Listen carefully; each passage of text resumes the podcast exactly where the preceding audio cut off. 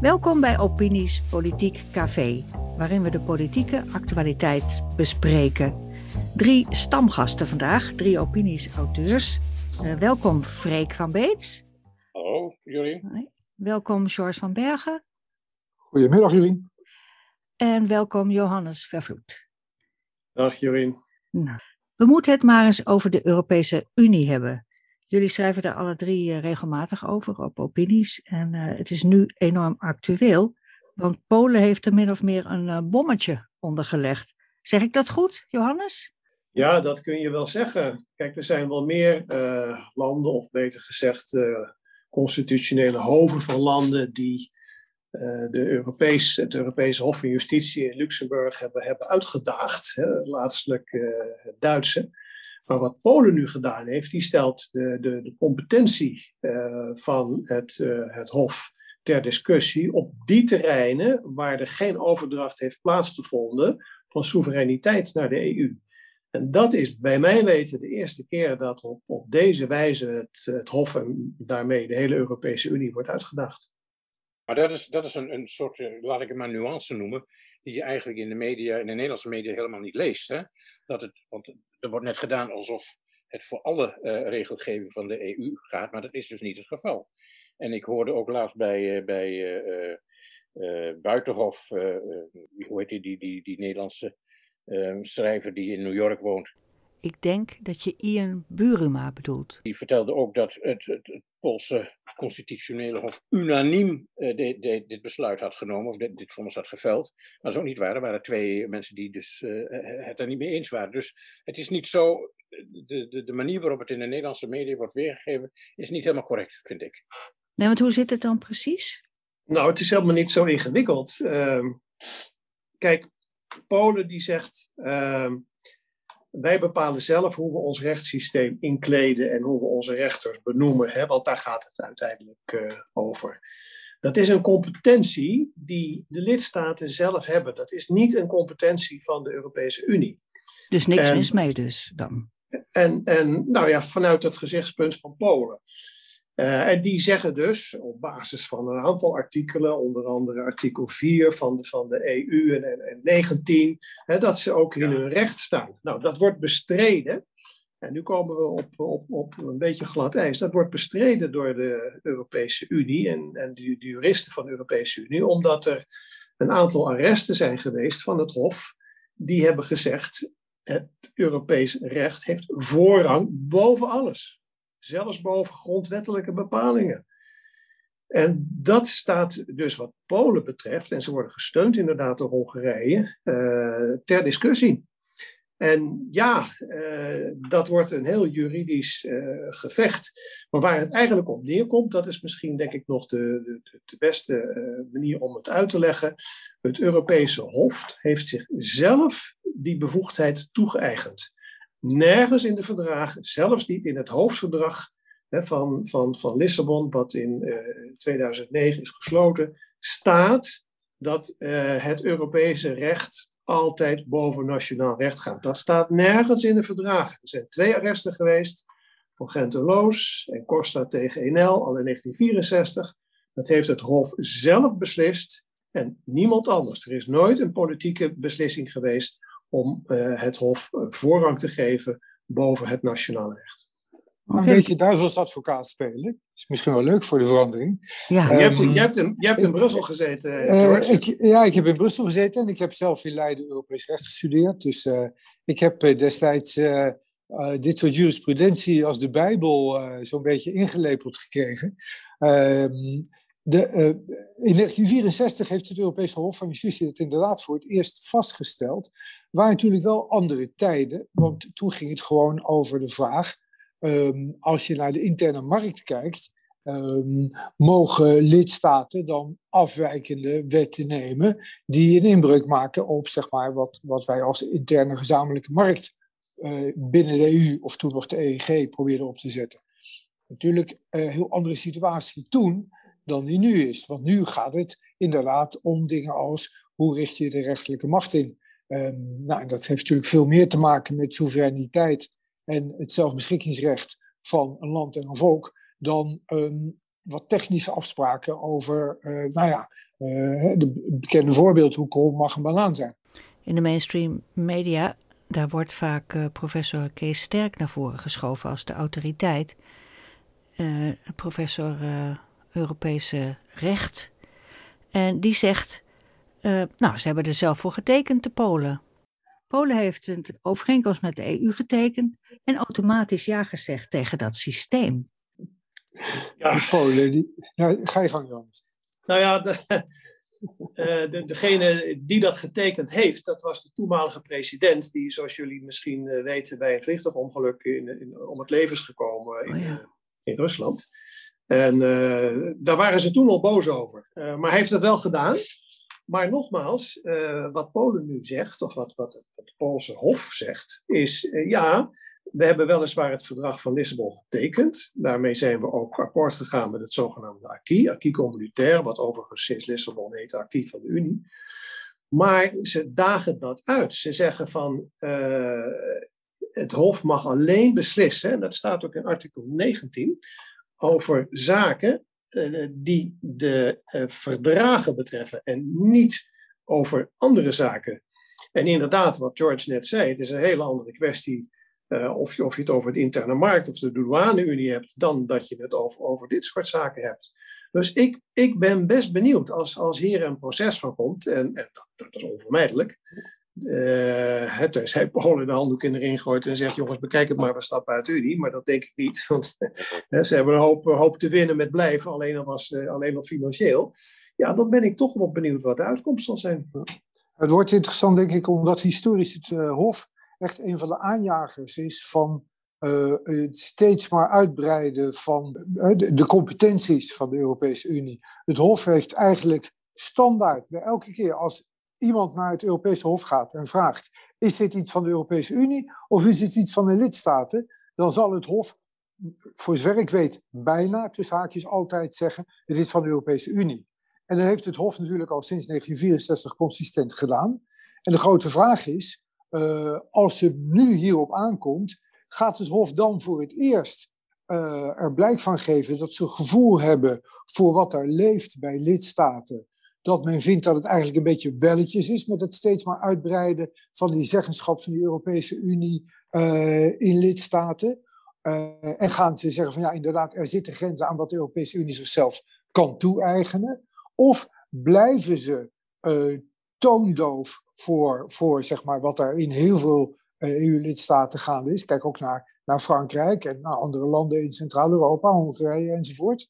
En, en gaan ze toch weer voort op die uh, op dat spoor van nee, uh, de Europese Unie moet meer en meer en meer op een staat gaan lijken ten koste van de soevereiniteit van de lidstaten. Ik denk ja, dat, het spannend is. De federale ambities, hè, die, die worden eigenlijk nergens in toom gehouden.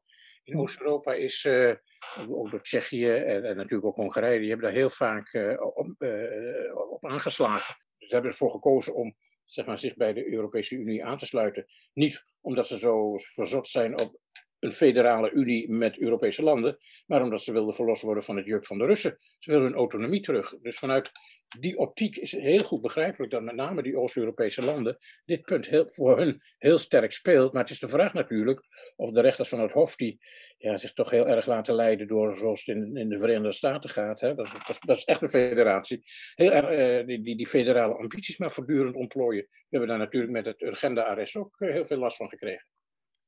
Ja, dus er spelen dus eigenlijk twee dingen, hè, wat jij, Freek, zegt. Uh, jij, jij, benadrukt de, de, de, politieke kant van de zaak.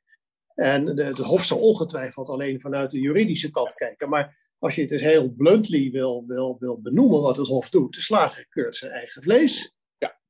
De lidstaten hebben nooit toestemming gegeven om het Hof te laten beslissen over zaken die niet een communitaire bevoegdheid zijn. Dus ja, ik denk dat er toch wel een, uh, een mogelijkheid van, van, van uitdaging is. Maar waar het inderdaad op neerkomt, het is een politieke kwestie. Je ziet het al met, met de migratie, je ziet het met de zogenaamde rechtsstatelijkheid. Inderdaad, niet alleen Polen, maar ook Hongarije. En ook jouw grote vriend Freek, Freek uh, Babiš in, in Tsjechië. die, die, die, die, verzetten zich allemaal tegen die, die, die ever closer union. Ja, het is puur politiek. Ja.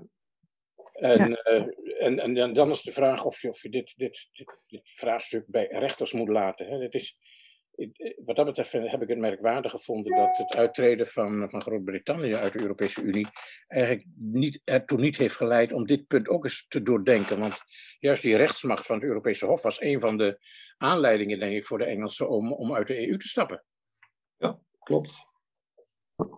Ja, de, tendens in de, in, de, in de media is nu eh, dat Polen op de vingers getikt moet worden. een beetje dat alsof het een stout jongetje in de klas is. Hè? Er moet gedisciplineerd worden, dat soort woorden. Ja, ja, ja dat, eh, dat is iets wat, wat Nederlandse uh, commentatoren altijd heel vaak uh, veel graag gebruiken.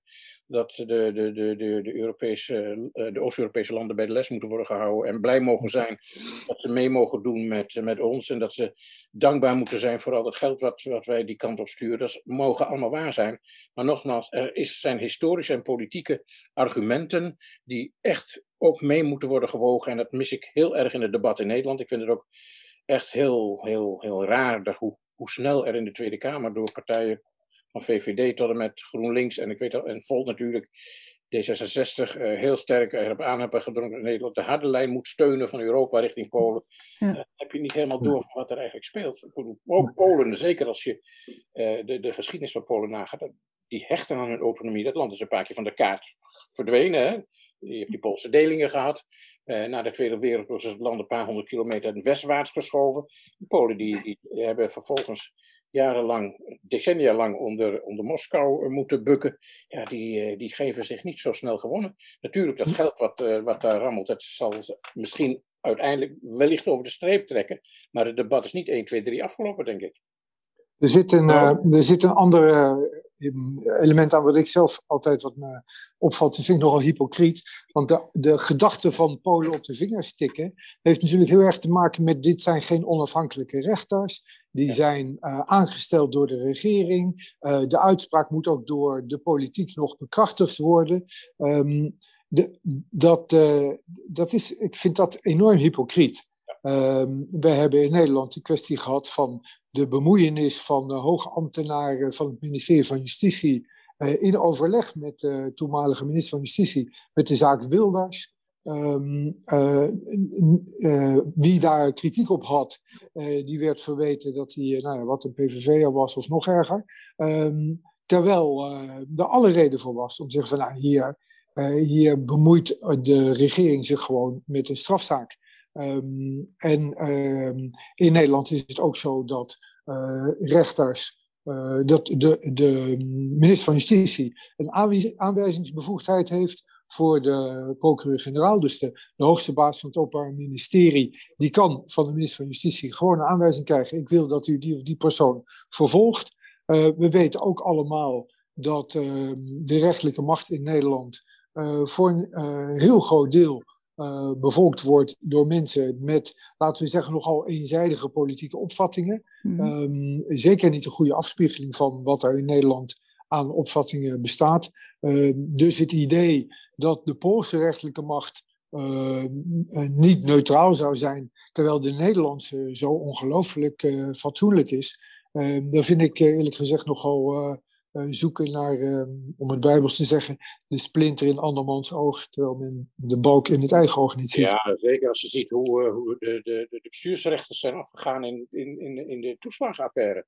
Ja. Uh, die hebben ja, met nu dan wel heel nederig hun, hun falen erkend. Maar er was wel een parlementaire enquête voor nodig. En ze hebben al die tijd hebben ze die, die, die harde vonnis, uh, de harde lijn van de, van de Raad van State gevolgd. Dus wat mij, wat mij betreft is, is, is, zeker de bestuursrechters bij de Raad van State, die kun je niet politieke neutraliteit toedichten. Ja, dus Nederland mag wel een toontje lager zingen, vind ik, wat dat betreft. Ja. maar ja, dan komen we weer terug op hetzelfde. Eh, het is politiek, het is niet, het is niet uh, juridisch. En het, kijk, het is natuurlijk heel bedreigend wat Polen heeft gedaan. Met name zeg maar, de, de, de federalist, het federalistische geluid in, in Nederland, D66 voorop, die is natuurlijk als dood. Hè? Het is niet voor niets dat Sjoerd Sjoerdsma, na zijn deconfituur over het drankgebruik van, van onze informateur Remkes weer, weer boven water is, een, een, een, motie heeft ingediend waarin hij dus oproept om, om Polen ja, te, te, te straffen. en ja, daar zit natuurlijk die federalistische gedachte achter. Men, men wil verder met, met de Europese Unie, verdere integratie. En in Nederland hebben we überhaupt trouwens niet dit probleem. We hebben geen, geen constitutioneel hof.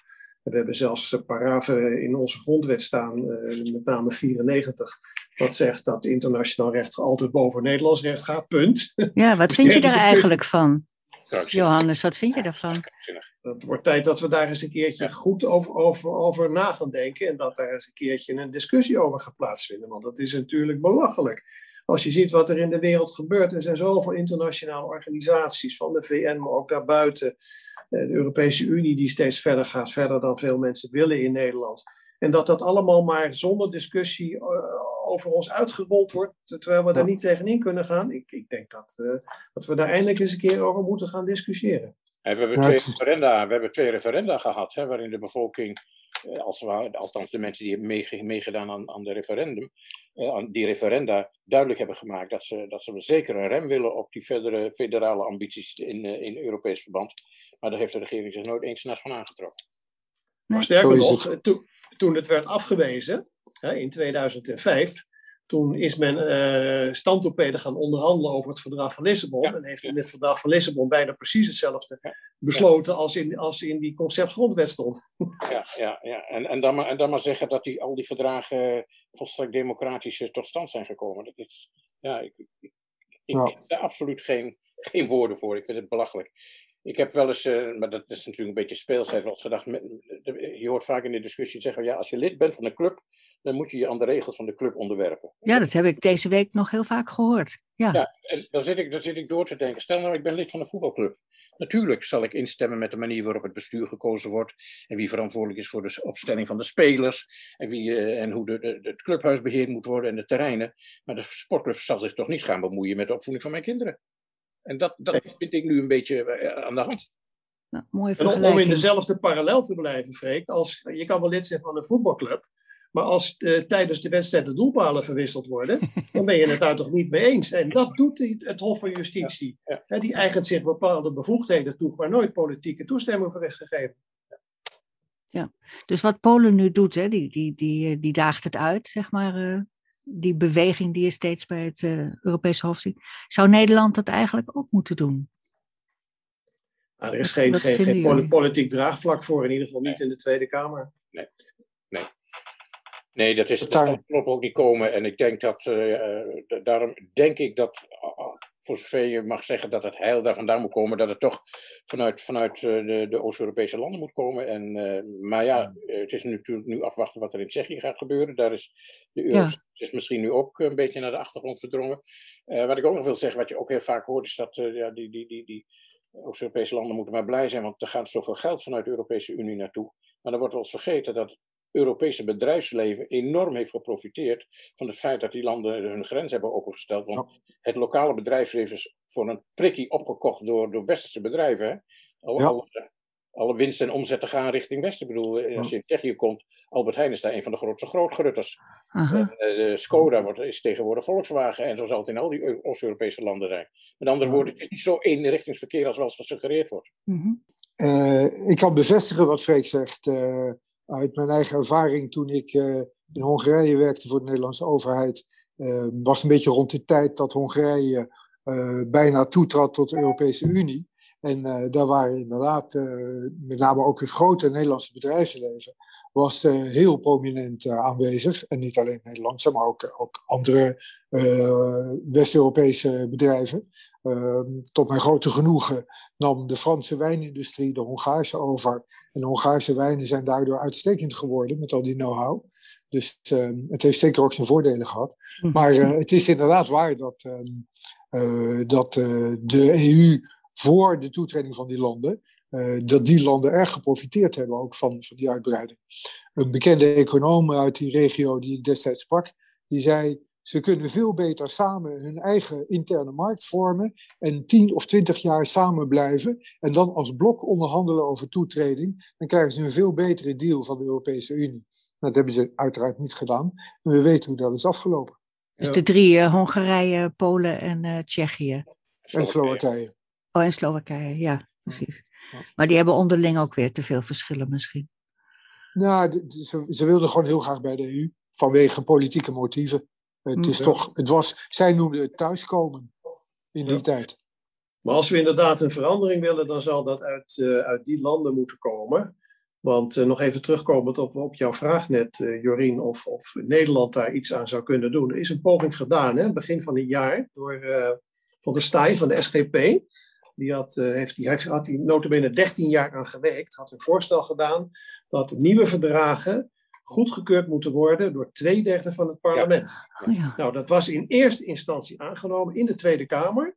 En toen ging het naar de Eerste Kamer en toen is het afgewezen. Ja. Wat bizar is, want het, dat is precies wat er, wat er zou moeten gebeuren. Dat je een verdrag wat in feite een verandering van onze grondwet inhoudt, aanneemt alsof je de grondwet verandert. Het is ja. volkomen logisch. Ja, er is ook geen enkel land in de wereld volgens mij wat, wat zo'n regime heeft als, uh, als Nederland. Dat, dat internationaal recht altijd uh, boven nationaal recht staat. Tenminste, ik ja. zou het niet weten. Ja.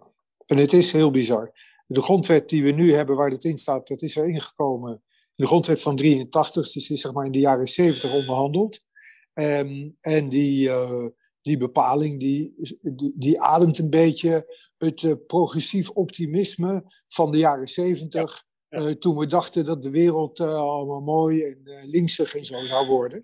en um, ik denk dat, dat wat er in feite nu gebeurt, is dat we zien dat met name de VN eigenlijk een vehikel is geworden voor allerlei regimes en culturen waar wij ons helemaal niet zo happy mee zouden moeten voelen. En toch hebben we ons op papier vastgelegd om alles wat eruit komt dan maar over te nemen. Ja. Maar ja, eh, je ziet het wel, wel, met meer onderwerpen. Dat hele multilateralisme, dat is heel anders eh, dan, dan een tijd geleden. De, de, de geopolitieke strijd die is veel harder dan, eh, dan, dan voorheen.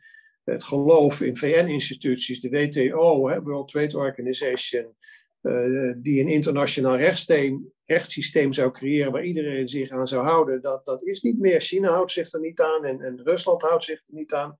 Dus ja, dat is helemaal uh, veranderd. Dus ja, uh, ook op dit gebied uh, zul je denk ik dan toch ook je knopen moeten tellen. En als Nederland. En, en, en niet meer voetstoots ja, overal maar mee, mee akkoord gaan.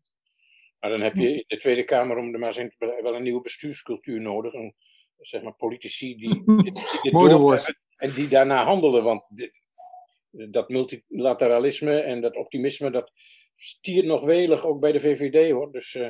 Ja, nee, inderdaad. Je hebt gelijk, er is geen politieke draagvlak ja. op dit moment. Maar er zijn wel duidelijk uh, partijen, bijvoorbeeld ja 21, die dit uh, aan, aan, aan de orde stellen. Nou, je kan wel zeggen, alles rechts van de VVD vindt dit onderhand wel welletjes geweest. Die, het is ja. toch gewoon, het is te bizar voor woorden. Het is ja. zonder enige twijfel wie erover nadenkt, die, die moet toegeven dat het niet meer van deze tijd is, zo'n zo'n zo'n bepaling. Ja. En je ziet het op, op de hele linie, neem het vluchtelingenverdrag, dat is een ander onderwerp, ja. hebben we het ja. ook al eens over gehad. Maar mm -hmm. dat is ook een verdrag wat niet meer van deze tijd is. Dat was geënt op een situatie die, die heel anders was dan, uh, dan nu. Uh, dus daar, is, daar worstelt iedereen ook mee. Dus daar... Agenda, het klimaatbeleid. Ja. Dat is natuurlijk ook uh, een belangrijk element in die afweging, is dat het een verdrag is waar Nederland zich aan verplicht heeft. Nou, het is natuurlijk geen bindend verdrag, maar goed, heeft de rechter er wel van gemaakt. Nou ja, dat, dat, dat vind ik ook het, heel, het kwalijke en hoe, hoe dat ook voetstoots als, als voorwaar is aangenomen. Ja. Ja, de redenering van de rechter blijft volgen, dan denk je van, hoe, hoe verzin je het? Nou, onbegrijpelijk. Ja, ja. Maar het is nog onbegrijpelijker dat degenen die er iets tegen hadden kunnen doen, uh, inderdaad ermee akkoord zijn gegaan. Ja, ja. Maar ja, het komt allemaal weer voort uit dat internationale recht dat boven het Nederlands recht gaat. Iedereen, een NGO, wie dan ook, die kan naar de rechter stappen. En zwaaiend met een internationaal verdrag in zijn hand zeggen van uh, ik heb recht op A of B. Ja. Dat is wat de agenda doet. Dus zelfs als de EU niet meer zou bestaan, dan nog gaat internationale wetgeving boven nationale. Dat staat in onze grondwet. Ik bedoel, is het aan de EU gehangen of aan veel meer dan alleen? Nee, nee, het is alles. Ja. Het is alles, Jury. Het, staat, dus de zelfs als, van 83 en daar staat in dat alle Nederlands, alle verdragen uh, waar Nederland partij bij is, die gaan voor onze nationale wetgeving, inclusief de grondwet. Voor de luisteraars, er is een heel goed artikel hierover geschreven door een collega-columnist van ons, Uri van As. En dat artikel is gepubliceerd eind december 2019. En daar vind je eh, uitgebreid informatie over eh, ja, hoe, hoe, dat in Nederland in elkaar zit ten opzichte van internationaal recht. Ja. ja, een goede tip. We begonnen met Polen en we eindigden met onze eigen grondwet. Er ligt nog een wereld tussen natuurlijk.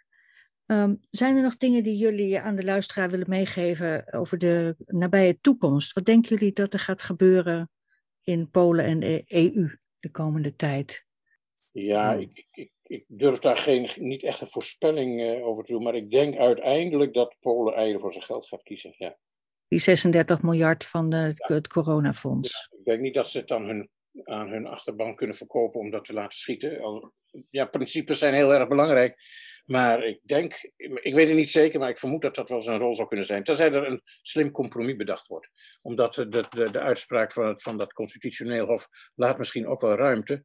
Uh, omdat het natuurlijk gaat om, om bepalingen die in strijd zouden zijn, maar dat heeft uh, Johannes net veel beter verwoord, die, die, die, echt in strijd zijn met de Poolse grondwet. Dat blijft natuurlijk wel een lastig punt. Je hebt een grondwet niet voor niks, hè? Ik heb het idee, Johannes, jij, bent uh, ook gepensioneerd diplomaat, dus uh, kan er misschien ook iets over zeggen.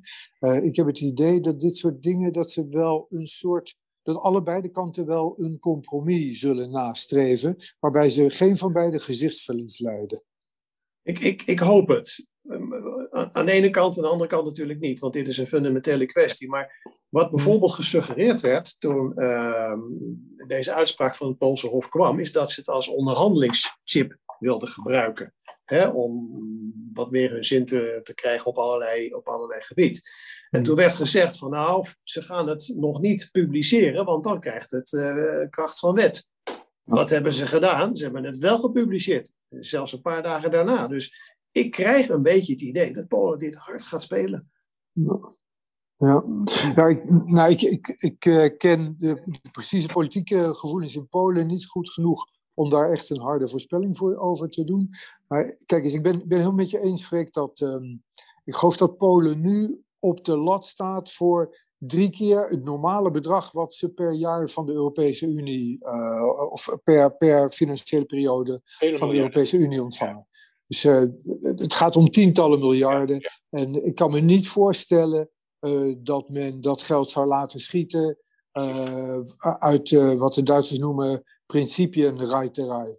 um, maar aan de andere kant, het is inderdaad waar dat in dat soort landen het gevoel bij zeg maar, rechtspartijen zoals de PIS en Fidesz in Hongarije en dergelijke, het gevoel dat ze zich niet door de EU willen laten couilloneren zoals ze destijds onder de Sovjet-Unie uh, zijn geknecht, dat uh, is zo sterk, zo sterk, dat um, ik niet verwacht dat ze zonder meer bereid zullen zijn om aan die eisen ten aanzien van nou, die rechtelijke benoemingen en dat soort dingen te voldoen vanwege dat geld. Ook niet omdat, en dat is denk ik ook belangrijk om nog even te noemen, de problemen die uh, de huidige rechtsregering in Polen heeft met de rechterlijke macht, hebben er onder andere mee te maken dat in Polen, net als in Nederland, rechters voor het leven benoemd worden en werden. En deze regering dus een heleboel rechters heeft geërfd die nog door de communisten uh, in de rechterlijke macht beland waren. En ze wilden gewoon, dus moet je je voorstellen dat een rechter in de loop van zijn leven een steeds hogere functie krijgt bij een andere hogere rechtbank. Dus waar zaten al die oude knarren die onder de communisten waren begonnen en opgegroeid, die zaten allemaal in de hoogste rechtscolleges in Polen. Um, en dat was een van de redenen waarom de PIS-regering uh, van die rechters af wilde, omdat ze gewoon die communisten kwijt wilden. Een heel legitiem, uh, uh, legitiem wens ja. in, in, mijn optiek. Ja, ja dus, dus, dus Polen zal niet zo gauw, denk ik, ook om die reden toegeven. Er is ook nog een ander punt, denk ik. Polen is niet alleen een vragende partij in deze. Polen heeft ook nuisance value. Polen, als Polen niet meewerkt met een aantal zaken die in Europa spelen, denk aan klimaatbeleid, denk aan immigratie, Denk aan de, de, de, hoe heet dat? De, de conferentie over de toekomst van Europa, die nu, nu gaande is. En ze kunnen op allerlei manieren dwars gaan liggen. Dus eh, ze hebben wel een onderhandelingspositie, denk ik. Zeker, zeker. En ze zijn, het is natuurlijk ook een groot land, dat vergeten we nog wel eens. Hè? Dus uh, tussen de 30 en de 40 miljoen inwoners. Het is niet een, een klein, klein land zoals Tsjechië, Slowakije en Hongarije zijn.